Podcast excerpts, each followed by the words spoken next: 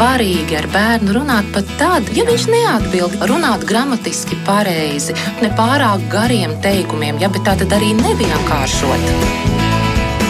Mēs tiekamies ģimenes studijā.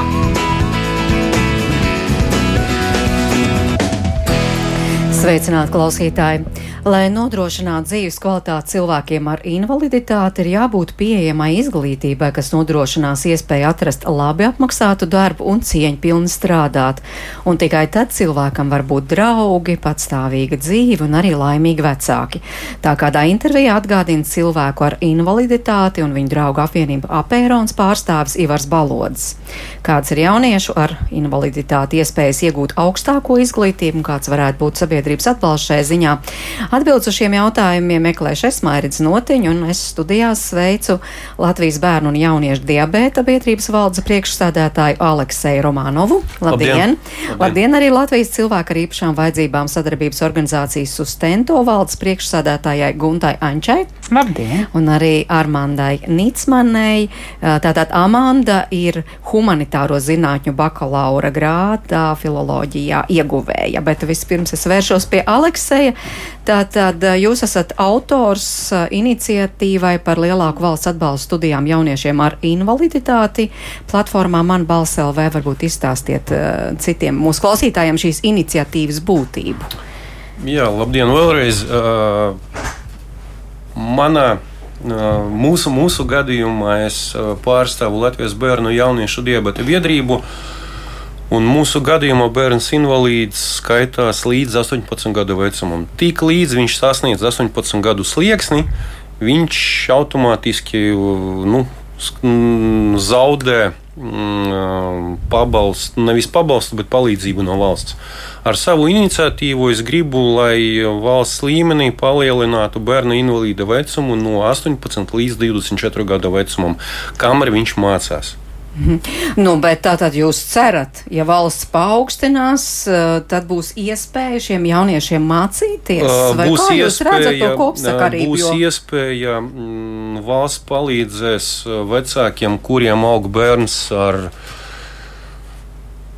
Mūsu gadījumā ar pirmā tipa cukura diabetu, ja vienkārši bērns varēs saņemt tālāk atbalstu no valsts, pumpītis, katetri, rezervuāri, sensori tas ir priekš ģimenes diezgan ietekmīgi naudas izteiksmē. Mm -hmm. Ģimenei paliks vairāk naudiņas, kur varēs ieguldīt, piemēram, bērnu izglītībā. Tieši tā. Nu jā, un jums tur arī vēl viens tāds punkts ir tā, tāds sekt studiju izmaksas no valsts budžeta. Nē. Tā tur bija rakstīts, ieiet portālā mana balss. Portālā mana balss mēs trīs mēnešus, plus mīnus trīs mēneši ar viņiem uh, kontaktējām, un mums bija diskusijas par to iniciatīvu pamatā. Un pašā sākumā bija tieši palielināt bērna invalīda vecumu mm -hmm. no 18 līdz Jā. 24 gadu vecumam. Uh, uh, gribu jautāt Guntai. Mm. Uzskatāt, ka tas ir būtisks aspekts, jo tiešām mēs tad apstājamies pie tā finansiālā aspekta, jo uh, Es domāju, visa sabiedrība ir ieinteresēta, lai aizvien vairāk arī jaunieši ar īpašām vajadzībām iegūtu augstāko izglītību, saņemtu labu darbu, varētu sev nodrošināt labu dzīvi un tam līdzīgi. Jā, es domāju, pilnīgi noteikti finansiālais aspekts ir būtisks, jo ir jāsaka, godīgi budžeta vietu nav daudz mūsu augstskolās. Un, lai cilvēki varētu iekļūt budžeta vietā, protams, tam mācību līmenim, jeb tam vidējai atzīmē ir jābūt ļoti, ļoti augstai. Un tāpēc jauniešiem, kuriem ir invaliditāte, nu, nevienmēr ir iespēja samaksāt mācību naudu. Šī mācību nauda, godīgi, arī aug pēdējos gados ļoti strauji. Un tāpēc man gribas teikt, ka mēs no vienas puses mācības, kas tiek dotas līdz vidusskolai, nevienmēr ir ļoti efektīvas. Īpaši man gribētos teikt, speciālajās skolās. Un tad šiem bērniem nav cita iespēja, kā iet mācīties par naudu. Un, ja naudas nav, tad iespējas arī nav. Un faktiski veidojās šī problēma. Mēs sakām, ej mācīties. Un tad tev būs labs darbs, un tad tev nevajadzēs valsts atbalstu. Bet, lai visu dzīvi dzīvotu bez valsts atbalsta, ir vajadzīgs tas atbalsts mācību posmā. Un es domāju, ja mēs tā valstiski uz to skatāmies, tad vienmēr ir labāk atbalstīt kādu četru gadu garumā, nevis visu mūžu. Nu, tā kā jūs atbalstāt šo Jā, protams, protams, iniciatīvu. protams. Jā, Amanda, jums tomēr ir izdevies. Man... Jums ir uh, bakalaura grāds un esat viena no tām retajām meitenēm ar īpašām vajadzībām. Jā, bet Jāsaka, jā, es esat uh, neesmu vienīgā.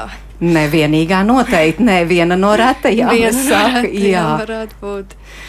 Nu, man bija tā, ka es stājos iekšā, bija 38 budžeta vietas, un es tiku budžetā. Budžeta vieta man tika piešķirta. Bet, ja nebūtu, Bet, ja nebūtu, nu tad, nu tad es nezinu, kā būtu. Jo nu, man jau bija, es tā, nu, man jāsaka, ka es pirms sāku studēt, es nezināju, ko es gribu darīt. Nu, bet tas bija, bet tas bija, jā, tā bija tāda iespēja laba, ka es tiku budžeta vietā. Nu, nu, mums jau bija tā, ka mums pārsvarā bija nu, nu, tie, kas studēja, nu, visi bija budžeta. Mēs bijām 32 sākumā, kad sākām mācīties. bet jums bija sev jānotic, ka jūs to varat izdarīt, jo jūs esat neredzīga, Amanda. Nu, jā, nu, man jau par laimi. Man jāsaka, paldies manai mammai par eh, emocionālo atbalstu, jo no vidusskolā gāja visādi. Nu, man šķiet, ka tas ir liels, liels pluss, kas man ļāva tā nu, uzdrīkstēties, mēģināt. Man liekas, tas ir milzīgs pluss, tas eh, emocionālais atbalsts arī. Jā, bet eh, atgriežoties pie šā finanšu jautājuma, faktiski jūs esat saņēmusi arī uh, atbalstu, cita veida atbalstu, vītola stipendiju. Jā, saņēmu Vītola stipendiju. Tiesa gan pēdējā kursā man atnāca ēpasts no studiju metodiķis, ka ir iespēja pieteikties. Un tad, jā, es saņēmu Vītola stipendiju. Kādi bija tie noteikumi? Mm, ja nemaldos, tur bija vidējai atzīmē jābūt ne mazāk par septiņi. Un man bija studijās tā, vidusskolā man tā nebija, bet studijās man bija. Nu, un tad uh, es izstāstīju mammai, ka ir tāda iespēja, viņa tā nu, piesakāmies. Nu, un tad viņa man palīdzēja tur to CV aizpildīt, un, uh, un es uzrakstīju motivācijas vēstuli, aizsūtīju Vītola fondam. Un tad pēc pāris nedēļām man zvanīja un teica, ka ir piešķirta stipendija. Brīnišķīgi, jā, bet eh, nu, tas ir tāds būtisks atbalsts. Nu, es domāju, ka jā, nu, tas ir. uh, Un tad uh, var cilvēks atļauties nopirkt sev kaut ko vairāk, iegādāties kaut vai tām pašām mācībām. Jā, Gunta, droši vien jautājums, cik plašs tāds ir pieejams. Piemēram. Protams, Vītola stipendija nav vienīgā, bet tomēr. Nu, es domāju, ka arī Vītola stipendija nav vienīgā, un, un, bet nav arī ļoti daudz šādu stipendiju Latvijā. Cik es zinu, un, protams, tā ir diezgan liela problēma, jo, jo īpaši, ja cilvēks mācās par naudu, tad šādas stipendijas būtu ārkārtīgi, ārkārtīgi vajadzīgas. Un uh, ir jādomā vēl par vienu lietu, ja cilvēkam ir invaliditāte, tad ļoti bieži viņa izdevumi ir lielāki nekā tajā gadījumā, ja cilvēkam nav invaliditāte. Piemēram, ja cilvēks ir ratiņkrēslā, tad viņam aizbraukt uz augstskolu.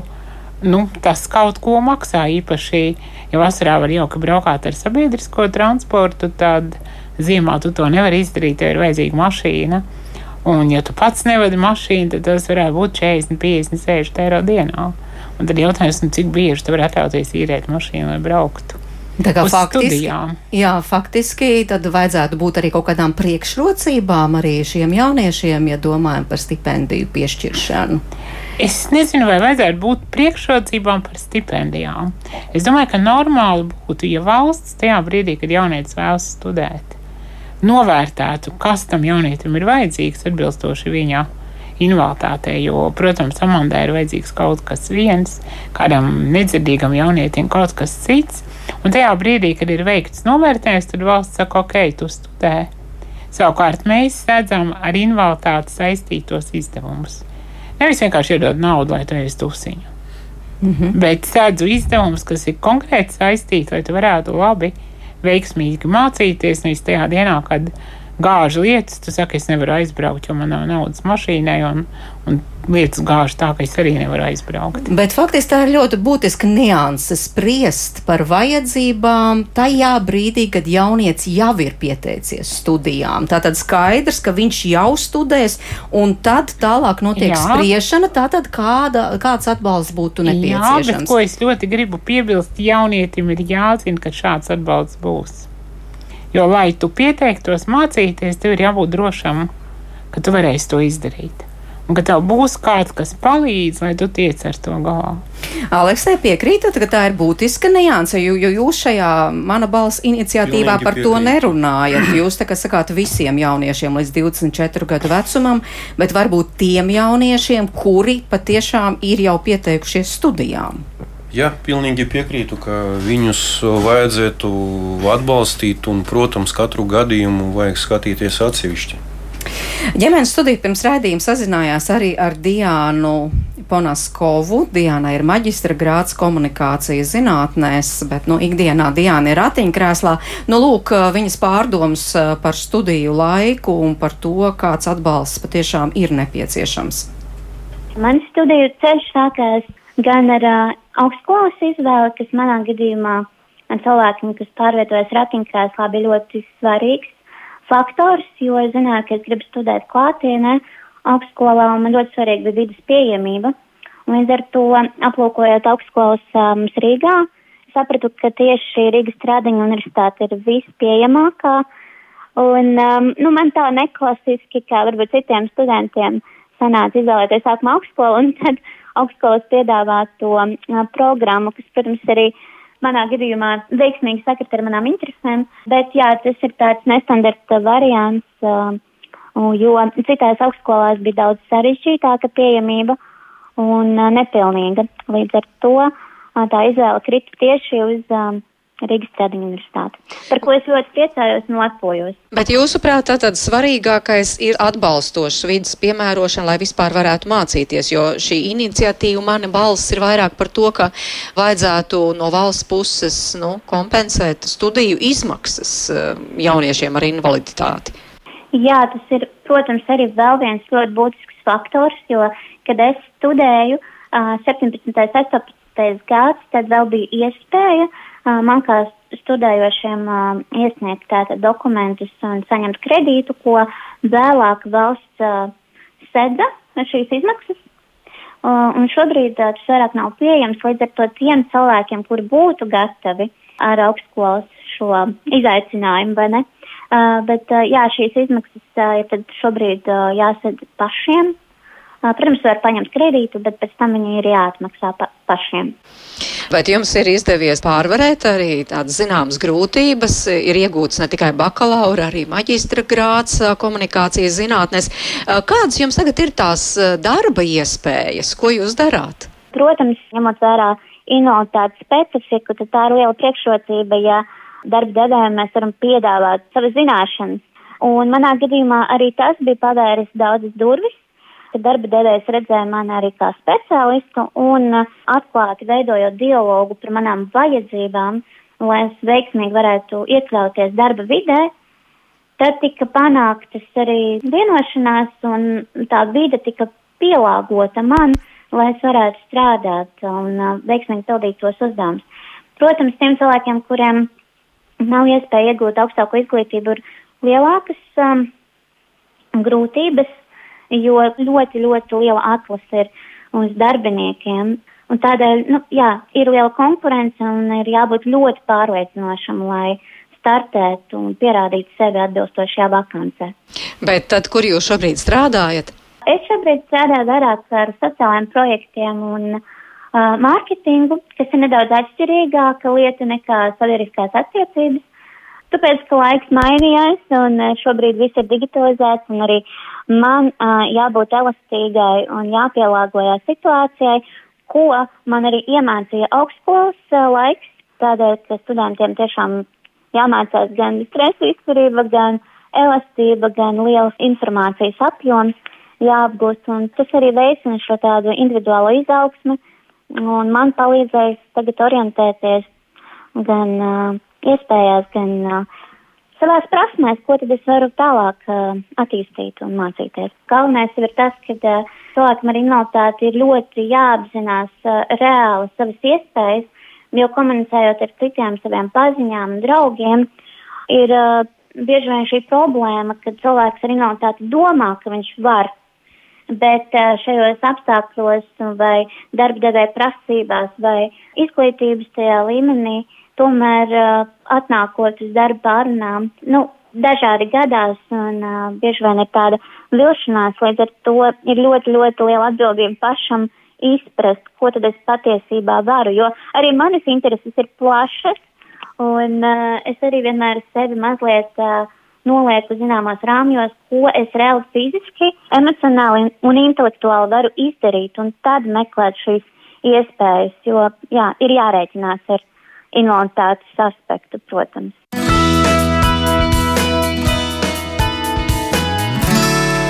Par to, ko iezīmē Diana Panaskova, tātad par to, vai augstākā izglītība tiešām paver tad uzreiz plašākas durvis uz to darba tirgu, par to mēs vēl parunāsim raidījuma otrajā daļā, bet par šo te finansējumu tomēr es gribu teikt, tur bija tas, kas sekt studiju izmaksas no valsts budžeta. Tas bija, kā stāstīja Diana, un šobrīd šāda iespēja vairs nav.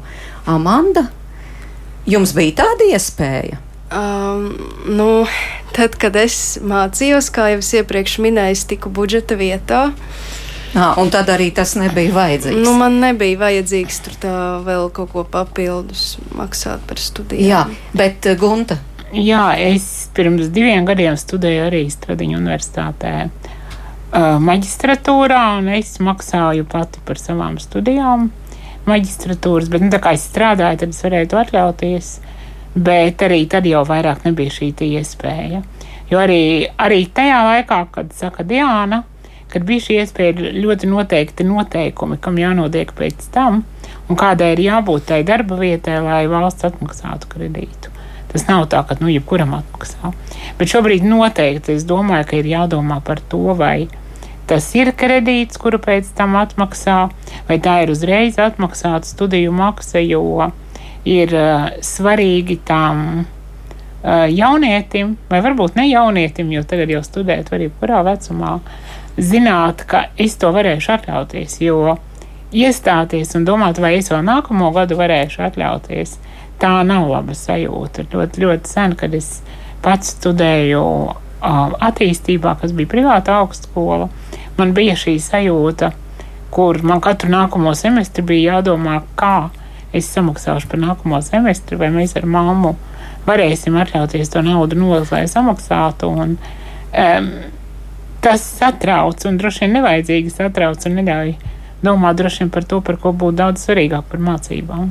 Jā, bet pirms domāt par mācībām, vēl ir tas vēl viens jautājums, ko arī Diana pieminēja, ir šī vides pieejamība Protams. augstskolās. Un kā viņa teica, viņa to savu studiju izvē, virzienu izvēlējās tāpēc, vai, vai nu, ņemot vērā, kāda ir vidas pieejamība. Mm -hmm. Un, uh, un viena lieta, protams, tas ir, ja cilvēks ir ratiņkrēslā, un tur tāda arī biežāk par to tiek runāts un domāts, tur lifti, uzbrauktos un tam līdzīgs, bet, bet faktiski tas vidas pieejamības jautājums daudz plašāks. Piemēram, Amanda, jums kā neredzīgai studentei, kā tad bija vajadzīga tā vide, lai jūs vispār varētu stud studēt? Cik pielāgotai tai vajadzēja būt?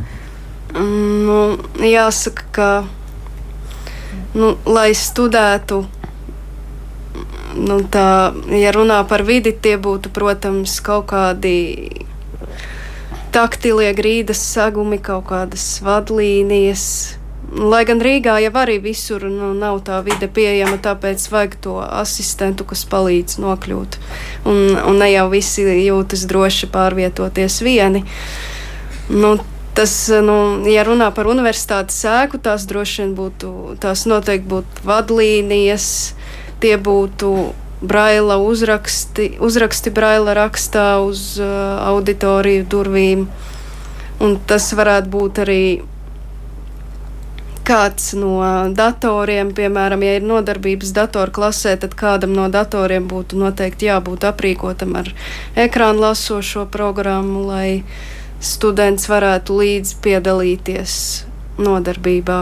Jo man, man personīgi bija tāda pieredze, ka mums atnāca vieslektore stāstīt par korpusu valodniecībā, un tur nevienam datoram nebija runas programmas, līdz ar to es nevarēju izmēģināt, kā tas korpus strādā ar manu ekrānu lasošo programmu.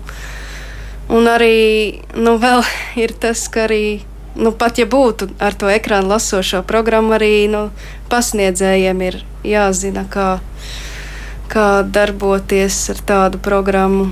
Nu, arī viena lieta, ko es mēģināju kārtot universitātē, bet nu, līdz galam nenokārtoju, bija tāda, ka mums nesen parādījās tāds teksta priekšā lasītājs Bruno, kas uh, drukātu tekstu pārvērš audio variantā, un tad var uh, šo ierakstu noklausīties, piemēram, grāmatu.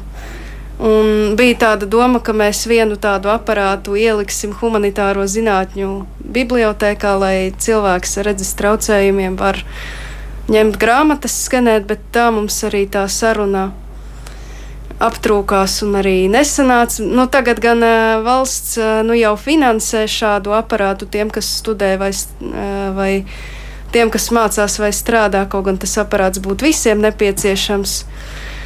Nu, Tas ir tas. Nu, protams, ja runā par pieejamu vidi, tas droši vien būtu cits, cita jau sadaļa. Nu, tā, nu, ja, ja mēs nevaram to vidi simtprocentīgi sakārtot, nu, tas būtu tas mhm. asistents. No, Jā, jūs, es gribēju jautāt, jūs pieminējāt asistents. Jums bija asistents? Nu, vecmāmiņa man bija.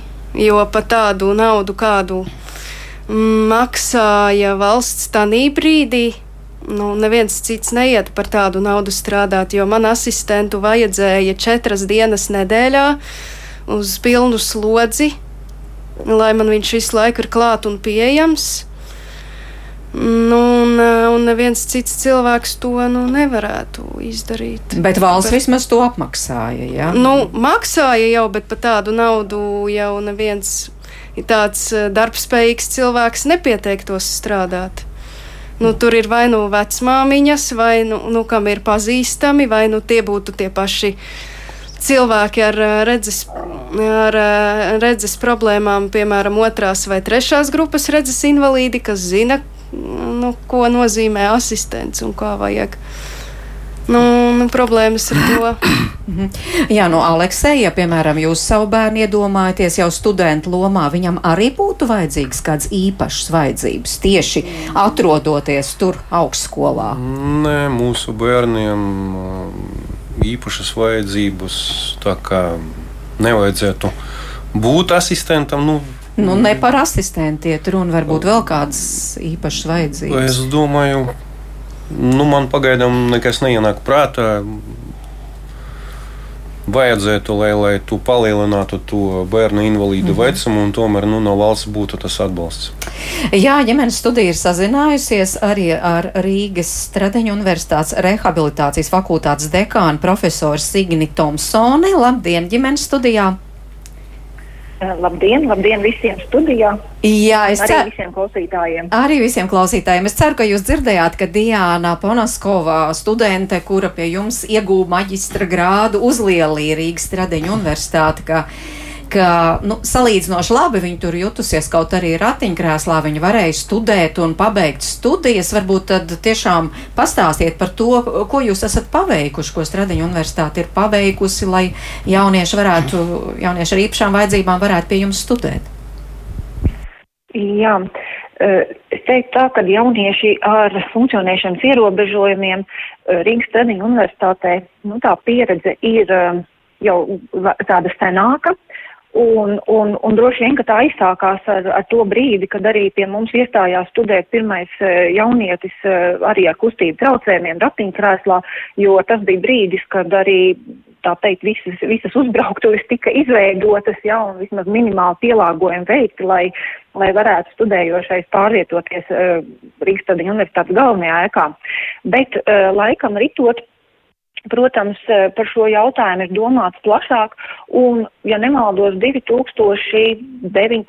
gads bija tas, kad mēs pirmo reizi arī sagatavojām un, un publicējām Rīgas Tradiņu universitātes politiku attiecībā uz studējošiem ar funkcionēšanas ierobežojumiem. Un šajā dokumentā mēs centāmies aprakstīt visus tos atbalsta pasākums, ko Rīgas Tradiņu universitātes studējušiem var nodrošināt.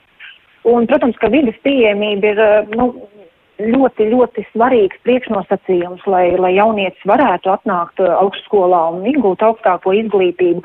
Bet tai pašā laikā tas arī varbūt ir viens no tādiem grūtāk risināmiem, jo tas parasti prasa tomēr arī ievērojamas investīcijas.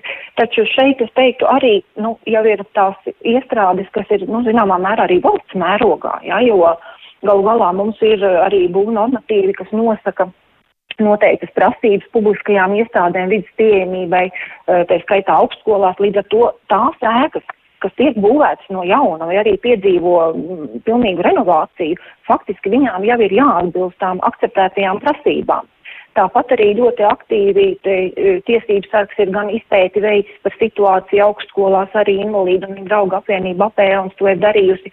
Labklājības ministrija diezgan cītīgi seko līdz situācijai un faktiski šobrīd arī monitorē e, zināmos laika intervālos situāciju. Tāpat ir arī jau publicētas vadlīnijas augstskolām, kā padarīt vidi pieejamāku. Līdz ar to arī Rīgas Tradiņu universitāte, protams, nu, tātad cenšas iet, uh, sekot šīm vadlīnijām, un tā pašā laikā arī tieši šajā, uh, iepriekšējā gadā uh, mūsu studējošie inicēja uh, nu, šīs pieminētās politikas pārskatīšanu. Viņi arī bija veikuši studējošo aptāju, lai identificētu, kādas ir tās uh, galvenās problēmas, ar ko studējošie saskaras. Un, attiecīgi, arī mēs pārskatījām, jo faktiski dažādi atbalsta pasākumi ir nu, nākuši klāt no jauna. Un te es laikam gribētu teikt to, ka faktiski jau mēs domājam par ikvienu studējošo, eh, kā viņš jūtas Rīgas Tradiņu universitātē. Un līdz ar to tie pasākumi ir vērsti, nu, teiksim, tādu nu, pēc universālā dizaina principiem, ja? Un, un līdz ar to tas ietver arī uh, dažādus optimālus pielāgojumus cilvēkiem ar funkcionēšanas ierobežojumiem, kas var būt ļoti plaša spektra. Jā, bet. Pēc, laikam, uh -huh, jā, lūdzu. Piedodiet, lūdzu. Jā, bet ne tikai, jo mēs jau te runājām arī ar redzes traucējumiem, ar dzirdes traucējumiem. Un es pat lasīju, nu tagad universitātes vai augstskolas piemēram pievērš uzmanību, ka arī mm, jauniešiem tur, piemēram, disleksija vai disgrafija vai, vai dažādas veselības problēmas vai traucējumi, kas, kas viņiem neļauj tik labi mācīties, kā viņi varētu, vai arī par to augstskolu domā. Jā, e, tieši tā, jo mēs esam arī centušies, nu, kā e, apkopot visas tās, visus ieteikumus, kas ir, nu, šie, te, šiem te dažādajiem traucējumiem. Un patiesībā arī šogad bija vairāki semināri jau e, augstskolas docētājiem, kur arī mēs, nu, varējām pārunāt kādi, kādas ir tās atbalsta iespējas augstskolā. Tāpat tās arī docētāji varēja dalīties savā pieredzē, kā viņi risina dažādas jautājumas savā ikdienas praksē. Un te es laikam gribētu teikt to, ka tāds veiksmīgs problēmu risinājums, manuprāt, ir tā uh, visu iesaistīto pušu savstarpēja komunikācija ja, un, un tāda sadarbība. Jo uh, ir viena, teiksim, viens tāds ļoti Eh, nopietns uh, brīdis, kad studējošais jaunais, jaunais cilvēks, jaunais studējošais ienāk augstskolā, un faktiski mums augstskolā vajadzētu saņemt šo informāciju no viņa par to, ka viņam ir kādi traucējumi, un, un, un izrunāt tās iespējas, kas viņam ir nepieciešams, lai viņš varētu sekmīgi mācīties. Jo tā ir informācija, kuru tātad, eh, cilvēks ir tiesīgs sniegt pats. Mēs nevaram to prasīt, mēs arī neuzskaitam šo informāciju, mēs neprasam nekādas izziņas. Ja? Līdz ar to mums ir svarīgi zināt, kad studentam ir problēmas, un tad mēs varam sākt to sarunu, kādi būs tie veiksmīgākie atbalsta pasākumi, Jā. lai palīdzētu viņam mācīties. Nu, ja, piemēram, jums jaunietis saka, man ir disleksija, kā jūs, viņ, kā jūs viņam varēsiet palīdzēt? Uh, nu, tad uh, mēs droši vien skatīsimies uh, tajā virzienā, lai studiju materiāli būtu pēc iespējas dažādos formātos pieejami. Ja? Jo arī teiksim, tā uztveramība vairāk ir runātās valodas, ja? tad, tad arī teiksim, tie var būt ieraksti, lekciju, nodarbību. Ja? Protams, ir šobrīd pieejami arī uh, specifiski uh, nu, teiksim, drukas formāti, kā veidot prezentācijas cilvēkiem ar disleksiju. Ja? Un, un, uh, jā, tā tad iespējas ir. Un, nu, arī, protams, tas prasa zināmā mērā tādu, tādu e, mācīšanās nepieciešamību no docētāja, apgūt papildus prasmes varbūt, bet e, katrā ziņā šie jautājumi ir risināmi. Jā, es gribēju jautāt arī par pasniedzēju pretīm nākšanu. Viņi ir gatavi tātad, nu, tā individuāli ar šiem jauniešiem savā ziņā strādāt, varbūt piedāvājot tur ilgāku laiku uzdevumu risināšanai vai, vai pagarinot mācību iespējas vai vēl kaut kā, nu, citādi nekā ar pārējiem. Jā, jo tas arī ir viens teiksim, no tiem atbalsta form, teiksim, optimāliem pielāgojumiem, ko mēs varam nodrošināt. Ja studējošam ir uh, pamatota nepieciešamība, ja, teiksim, ilgāks rakstīšanas laiks, tad pārbaudījumiem to mēs varam piešķirt arī. Ja. Un, un uh, tieši tā, ka arī, uh, piemēram, studiju darbiem, ja, par ko mēs runājam, kad ir jābūt tomēr informācijai saulaicīgi, ja, tad, tad ir jābūt skaidriem arī termiņiem, kad ir iesniedzami darbi, bet tālāk jau tad studējošais pats var plānot, teiksim, šo savu studiju darbu. Un atkal, tas, es teiktu, nav specifiski attiecībā uz studentiem ar funkcionēšanas ierobežojumiem, jo mēs tomēr cenšamies nu, izglītību virzīt augstskolā uh, studentu centrētu, veidot viņu. Ja? Un tad arī uh, tur jau ir šie principi par studenta docētāju sadarbību, par to, ka students pats virza savu mācību procesu. Ja? Līdz ar to atkal mēs šos kopējos principus ļoti veiksmīgi varam izmantot uh, nu, arī situācijās, ja, kur ir šīs individuālās vajadzības. Jā, bet viss šī informācija topošajiem studentiem, kuri, piemēram, šobrīd varbūt lūkojas, nu, kur augstskola, tad man būtu tā piemērotākā, viss tas ir pieejams, tas ir uzzināms. Uh, informācija ir pieejama, jo viņa, teiksim, vispārīgi ir aprakstīta, ir mājaslapa atsevišķa sadaļa par, par vidus un studiju pieejamību. Tāpat arī tātad galvenais informācijas devējs faktiski ir studentu e, servis, u, kas ir tā, teiksim, viens pieturs aģentūra universitātē, kas, kas risina e, gan topošo, gan esošo studentu jautājumus, jā, un tur ir ļoti atsaucīgi kolēģi, kas arī noteikti gan paskaidros, gan arī ierādīs, jā, kur meklēt papildus informāciju.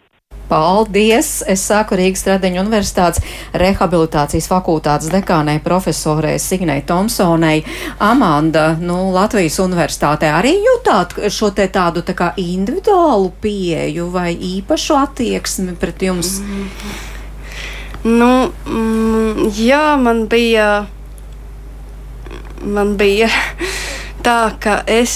Um, vienmēr pēc pirmās lekcijas gāju pie pasniedzējiem, stāstīju, ka es esmu neredzīga un ka es mēģināju, un, ka, un tad mēs tā mēģinājām vienoties, vienojāmies par to, kā es izpildīšu kaut kādus praktiskos darbus, vai arī kā es varētu saņemt informāciju.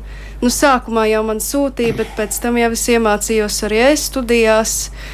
Nu, arī, un arī tas, ka pasniedzēji manā gadījumā pirms manis jau trīs, ne divi laikam jau bija bijuši.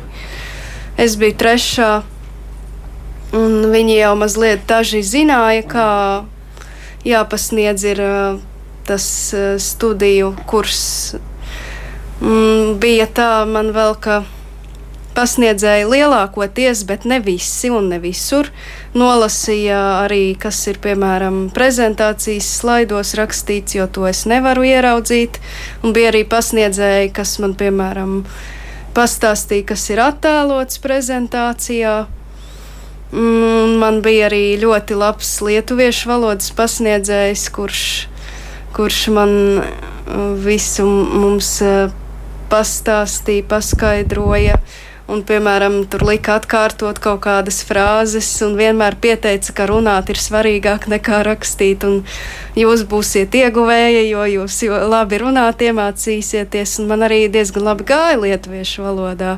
Viņš ļoti labi mācīja pasniegt tā, ka es saprotu, nu, tā, ka es varēju mutiski iemācīties. Tiesa gan, nu, to es vēl neesmu izzinājis, kā rakstību apgūt svešvalodā. Tur, tur gan jāizdomā būtu bijis kā, bet eh, es mutiski visu veiksmīgi lietuviešu valodā nokārtoju, un arī to pašu es darīju arī fonētikas kursā, jo ekrāna lasošā programma nenolasa fonētiskās transkripcijas zīmes. Es ar pasniedzēju sarunāju, ka es varu nokārtot mutiski, un arī dabūju labu atzīmi nokārtoju mutiski. Un, mhm. un parasti arī, ja bija kaut kāds rakstiskais eksāmens, tos tie, kurus es varēju nokārtot, tad es pasniedzējam iepriekšējā dienā aizsūtīju ēpastu, ka man vajadzētu atsūtīt tos eksāmena jautājumus, un tad es ar savu portatīvo datoru nācu pie visiem un kārtoju eksāmenu kopā ar visiem. Bet es to kārtoju datorā ar savu ekrānu lasošo programmu. Jā. Nu, re, pateicoties tehnoloģijām, Jā. tas viss ir iespējams. Jā, es atgādinu klausītājiem, jūs dzirdat Amandas Nicmanas stāstu. Viņa neredzīga meitene, kur ieguvusi bakalaura grādu Latvijas universitātē, un pie mums šodien studijā arī Latvijas cilvēku īpašām vajadzībām sadarbības organizācijas sustento valdes priekšsēdētāja Gunta Anča un Latvijas bērnu un jauniešu diabēta biedrības valdes priekšsēdētājs Aleksējs Romānos. Jā, Gunta, ļoti labs Amandas stāsts, vai ne? Pirmkārt, tātad iet, runāt runāt, teikt, jā, man ir tā un tā, un man ir tādas un tādas vajadzības, un attiecīgi tad sagaidīt arī to pretīm nākšanu. Uh, bet domājot par augstskolām, mēs dzirdējām Rīgas Stradiņu universitāti, un tas patiešām ir tāds labs piemērs. Tur ir gan, mm. gan vēlme pielāgot vidi visplašākajā nozīmē šiem jauniešiem, gan arī reāls darbs. Un es zinu, ka jūs esat viena no tām, kas uh, arī lab, labklājības ministrijas paspārnē izstrādāja tādas iekļaujošas studiju vides veidošanas vadlīnijas augstskolām. Kas vēl ir būtiski, domājot arī par citām augstskolām un par šo mhm. iekļaujošo vidi? Es domāju, vairākas lietas, ko es gribētu pateikt, mazliet turpinot to, ko teica Amanda. Un, man liekas, ir ļoti svarīgi, lai augstskolā būtu sistēma. Jo, protams, ir ļoti labi, ka Kā saka Amanda, pirms manis jau bija viens neredzīgs cilvēks, un pirms viņa vēl viens, un tāpēc pasniedzēji zināja. Bet, nu, ja mēs skatāmies tādu Eiropas pieredzi, un es ļoti daudz strādāju Eiropā, tad daudz prātīgāk ir, ja pasniedzēji ir iepriekš sagatavoti. Un nevis students iet un stāsta, redziet, man tā vajadzētu, tāpēc ka. Bet pasniedzējs jau iepriekš zina, man ir tāds students, viņam ir šādas vajadzības, Un tā ir kā sistēma katrā augstskolā, kas veidojas šobrīd Stradiņu universitātē, bet, diemžēl, tā neveidojas vēl visās universitātēs. Un tad ir gadījumi, kad ir viens labāks pasniedzējs, kā lietuviešu valodas pasniedzējs Amandai, un kāds varbūt netik labs, kuram šķiet, tā, nu, ir jau labi tāpatās. Var jau būt, ka viņi var to neiemācīt. Un, un, lai tā neveidotos, ir vajadzīga sistēma. Bet par vidas pieejamību runājot nedaudz vairāk, man šķiet, ir ļoti svarīgi, lai mēs runātu par trijām. Nu, parasti vienmēr runā par trijām lietām vidas pieejamībā. Un pirmā lieta ir šī fiziskās vidas pieejamība, kā cilvēks var tikt tur, kur viņam ir vajadzīgs tikt, bet tad mēs runājam vairāk par ratiņkrēslu. Tad nākamā ir informatīvās vidas pieejamība. Un tas ir tas, ko saka Amanda. Viņa nevar izlasīt papīra lapiņu kādi jums ir priekšā tikai tādēļ, ka viņi to neredz. Un tad augstskolā ir jādomā, kāda ir tā informācija, ko mēs nododam studentam, ja viņš ir neredzīgs, ko nododam tad, ja viņam ir disleksija, ko nododam tad, ja cilvēks ir nedzirdīgs. Un pēdējā, par ko mēs ļoti maz runājam, ir attieksmes barjeras. Mēs redzam pirmās divas, bet neredzam šo pēdējo, kas parādās tādā brīdī, kā varbūt pat tad, ja jaunietim ir diabetes. Un viņš tur iet kaut kur un spricē kaut ko, un pārējie domā, nes ko viņš tur spricē. Un vai tik tās varbūt nav narkotikas? E, vai par situāciju ar amātu, ka kāds domā, nu, vai tad viņai to vajag mācīties? Mm -hmm. Kur tad viņa neredzīga to dzīvē lietos? Mm -hmm. Aleksei, jā, varētu būt šāds aspekts, nu, par, piemēram, par ko, ko tikko Gunta pieminēja, jā, kaut kur iet un špricē, vai ne? Pilnīgi piekrītu, jā. ja bērniņam, nu, teiksim, tā, vai pusaudzim nav pumpīša, nu, viņam ir nepieciešama kaut kāda telpa, kur viņš varētu ievest savu insulīnu inicēt. Mm -hmm, jā. jā, un tāpēc eh, man šķiet, ir ļoti svarīgi par tām lietām. Es vēlreiz saku, runāt sistēmā. Nevis par vienu pasniedzēju un vienu studentu, bet par sistēmu, kad mums ir iekļaujoša augstskolu sistēma.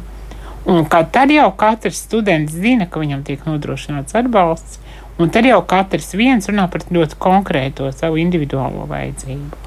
Bet kopumā ir atvērta augstskola, kas saka, nāc, mēs esam gatavi tev palīdzēt. Jā, paldies, ka arī klausītāji grib izteikt savu viedokli, un kāda māma mums raksta, problēma ir tā, ka mēs kā sabiedrība esam šos cilvēkus norakstījuši. Attieksme ļoti precīzi Anča kundze saka. Savukārt kāda skeptiķe mēs ar uh, prasa parastu iekļaujošo izglītību, netiekam galā nu, šajā pamatskolas posmā, vidusskolas posmā, kur nu vēl augstākā izglītība. Vienīgās cerības uz vecākiem, diemžēl. Jā, pilnīgi piekrītu. Arī mm. atgriežoties pāris soļus, pāris soļus atpakaļ, runājot par asistentu, ja, un runājot par mūsu bērniem, kuriem ir konstatēts pirmā cukura, diabetes. Mūsu bērniņiem arī ir nepieciešama asistents, jo, nu, padomājiet paši, četru gadu vecumā, nu, nosacīti četru gadu vecumā, bērniņš aiziet uz dārziņu un viņam jāinicē insulīns. Bet mēs runājam par augstāko izglītību. Šobrīd mēs tikai runājam par augstāko jā, ne, izglītību. Es vienkārši gribu piebilst, mm -hmm. jā, ka nu, jābūt, jābūt tiešām atbalstam. Jā, un tad arī Ainārs prasa, bet kādam ir dati, cik daudz mums ir šādu jauniešu ar invaliditāti, kas būtu gatavi studēt? Es nezinu, piemēram, Amanda Latvijas Universitātē, varbūt uh, humanitāro zinātņu fakultātē. Cik jūs tur bijāt tādi jaunieši? Droši vien zināt. Manā studiju programmā es biju vienīgā neredzīgā. Neredzīgā, bet citi jaunieši ar īpašām vajadzībām uh, bija, nebija?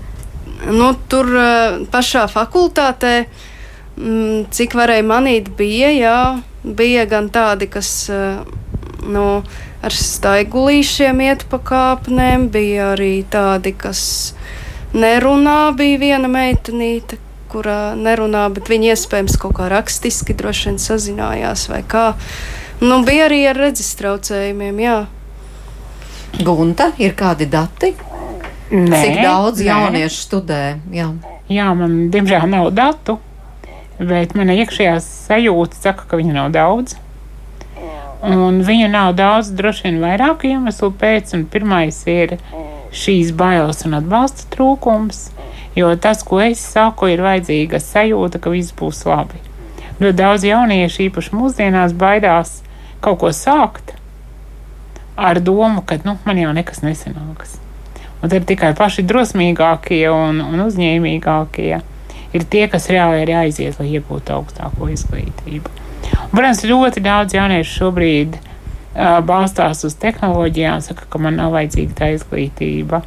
Es varu pamācīties kādos kursos attālināti, mm -hmm. varbūt pat ne Latvijā, iegūt kaut kādu certifikātu un izmantot to.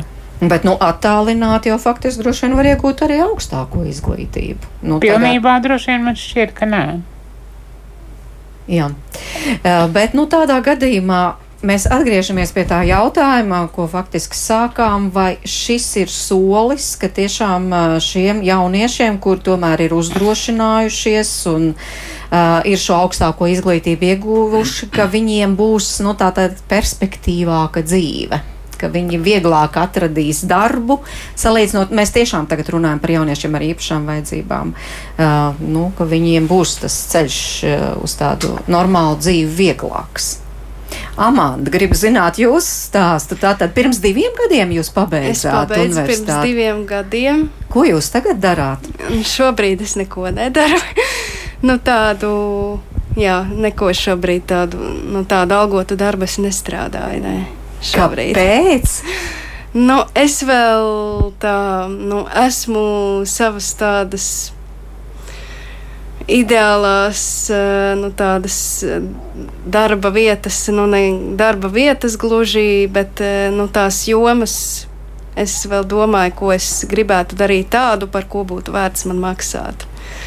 Nu, galvenokārt jau man studijas šķiet ir uh, arī tas, ka cilvēks, arī eh, jaunietis ar īpašām vajadzībām, uh, iegūst pieredzi, kā manā gadījumā es pabeidzu speciālo skolu, kur bija viss piemērots, mm -hmm. un es, mhm. kā teikt, ielēcu parastajā sistēmā.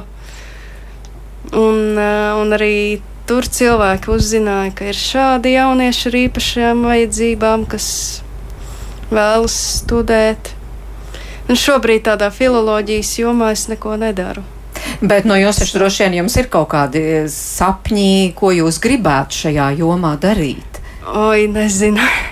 Sākumā, kad es sāku studēt, Uh, tad es uh, biju domājusi, ka es būšu tāda ļoti liela valodas speciāliste, bet uh, bet tagad man šķiet, nu, kad es pamācījos, nu, un tā studiju laikā man šķiet, ka, nu, diez vai. Kāpēc? Es nezinu, vai tas tāpēc, ka, vai nu tas tāpēc, ka es, nu, šaubos par tām savām zināšanām. Jo nu, nu, man nesanāca varbūt uh, iekļauties vienmēr tajā tempā un uh, izlasīt, izpētīt visu informāciju. Un bija arī lielākoties tā, ka es tās lekcijas klausījos. Nu, viņas nebija nekādā raksturveidā.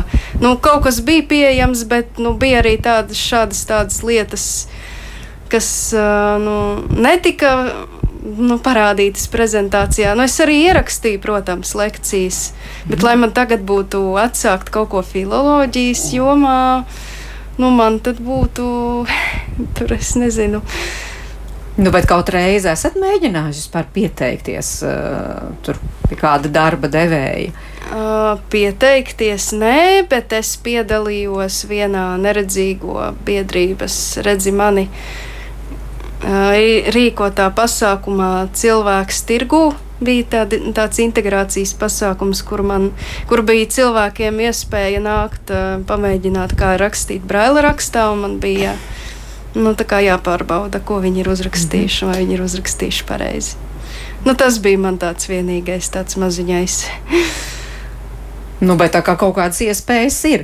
Jā, Aleksei, kā jūs redzat uh, savā bērna nākotni, jau tiešām domājot par to, nu, kā jūs sapņojat, jūs sapņojat par bērnu augstāko izglītību un pēc tam attiecīgi arī tiešām labi apmaksātu darbu. Viennozīmīgi, ja šita, šī iniciatīva dabūs uh, atbalstu, viennozīmīgi mūsu bērni būs ieguvēji.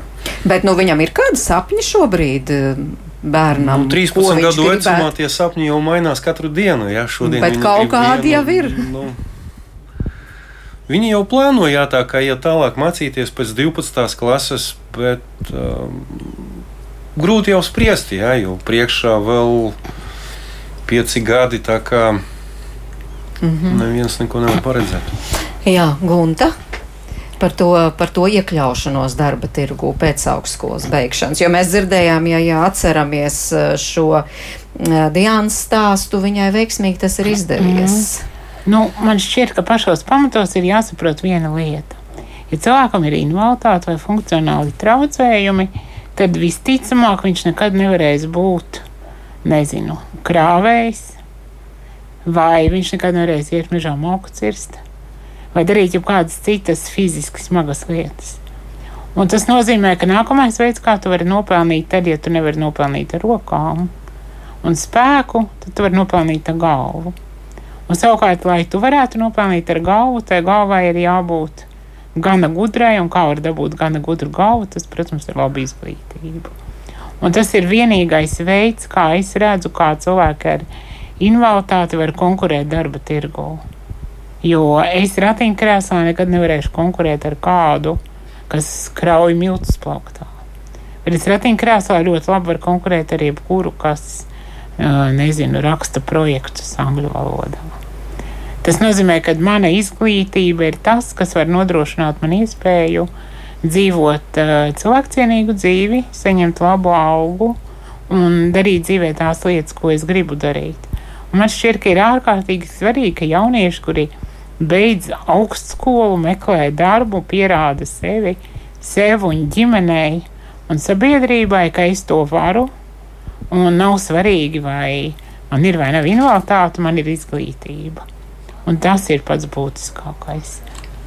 Jā, bet ja mēs atgriežamies atkal pie tās reālās dzīves, nu tad tomēr nezinu, cik precīzi, bet atradu tādus labklājības ministrijas gatu, datus, ka pirms desmit gadiem mūsu valsts darba tirgū bija ap 25 tūkstoši cilvēku ar invaliditāti. Šobrīd skaitlis pieaudz līdz 43 tūkstošiem, nu, bet tomēr, tomēr Latvijā strādā tikai viena ceturtā daļa no visiem mm. darbspējas vecuma cilvēkiem ar invaliditāti. Tā kā, nu, katrā ziņā arī sabiedrība būtu ieinteresēta, lai tas cipars mainītos. Un vēl tāda uh, skumīga ziņa no kādas mammas, vai varbūt arī priecīga, nu, viņa rakstā, mans bērns beidza labi speciālo skolu, gribēja mācīties augstāk. Uh, bet uh, neizskata mūsu variantu koda dēļ, un esam laimīgi, ka tikām Rīgas valsts tehnikumā augstskolas baidās no jauniešiem ar vieglas garīgās atpalīdzības traucējumiem, un mm tas, protams, ir skumīgi.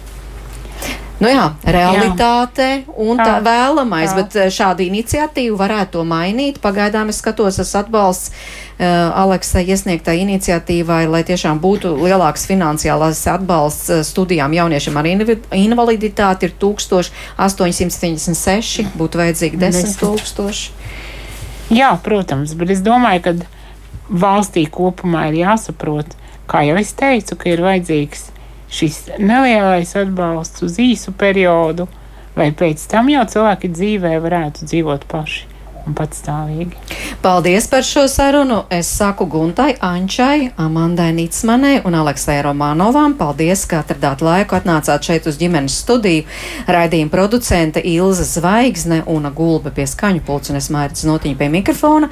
Tiekamies rīt 5 minūtes pār diviem, kā vienmēr, un mēs runāsim, vai bērnu pienākums var būt vienmēr pieskatīt mazākos brāļus un māsus, un kādas ir robežas, kad bērns iespējams tiek izmantots paša ģimenē. Tātad tiekamies rīt. Paldies, ka klausījāties, un lai jums jauks dienas turpinājums. Visu labu!